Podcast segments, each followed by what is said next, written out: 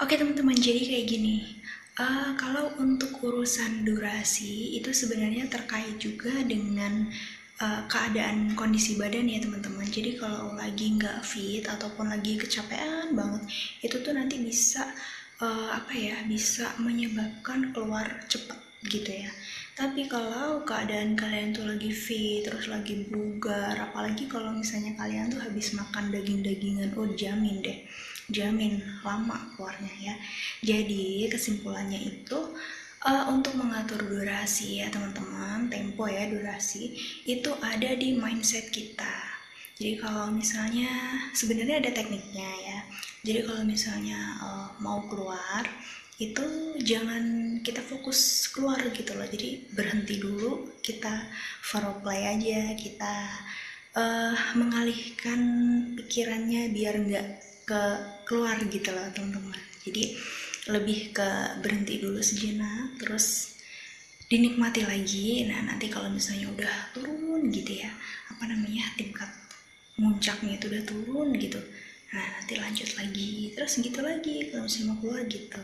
Nah nanti kalau kiranya udah udah apa namanya udah sesuai dengan durasi yang kamu inginkan baru deh cus keluar dan kalau untuk tempo ya itu normal sih ya. Mungkin dari awal itu kalau misalnya tiba-tiba langsung cepat itu nggak mungkin karena masih seret dan sakit ya.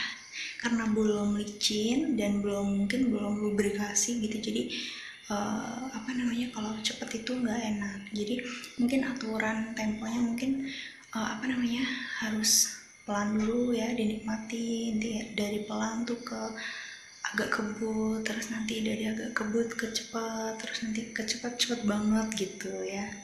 Slow aja. Nah nanti kalau misalnya kalian belum pengen keluar kalian masih menikmati gitu dari dari yang tadi cepat banget itu turun dari cepat turun dari slow pokoknya dikendaliin aja ya. Karena semua itu ada di otak kita ada di mindset kita gitu. Jadi kalau kita mikirnya udah keluar ya keluar gitu ya. Jadi ditahan dulu Eits ini juga harus dibarengi dengan pola hidup yang sehat ya, makan makanan yang sehat, terutama buat uh, apa namanya kejantanan pria gitu loh, kayak misalnya banyakin makan toge, terus makan daging-dagingan, terus kayak makan apa namanya kayak yang berkacang-kacangan gitu, pokoknya yang uh, mendukung kualitas sperma dan libido gitulah ya. Nah terus juga kalian harus rajin olahraga supaya biar kuat gitu loh ya. Kalau misalnya kalian mau nambah kayak suplemen ataupun obat kuat itu terserah pribadi kalian masing-masing ya. Tapi ingat namanya obat itu pasti ada efek sampingnya. Jadi beralih ke yang alami-alami aja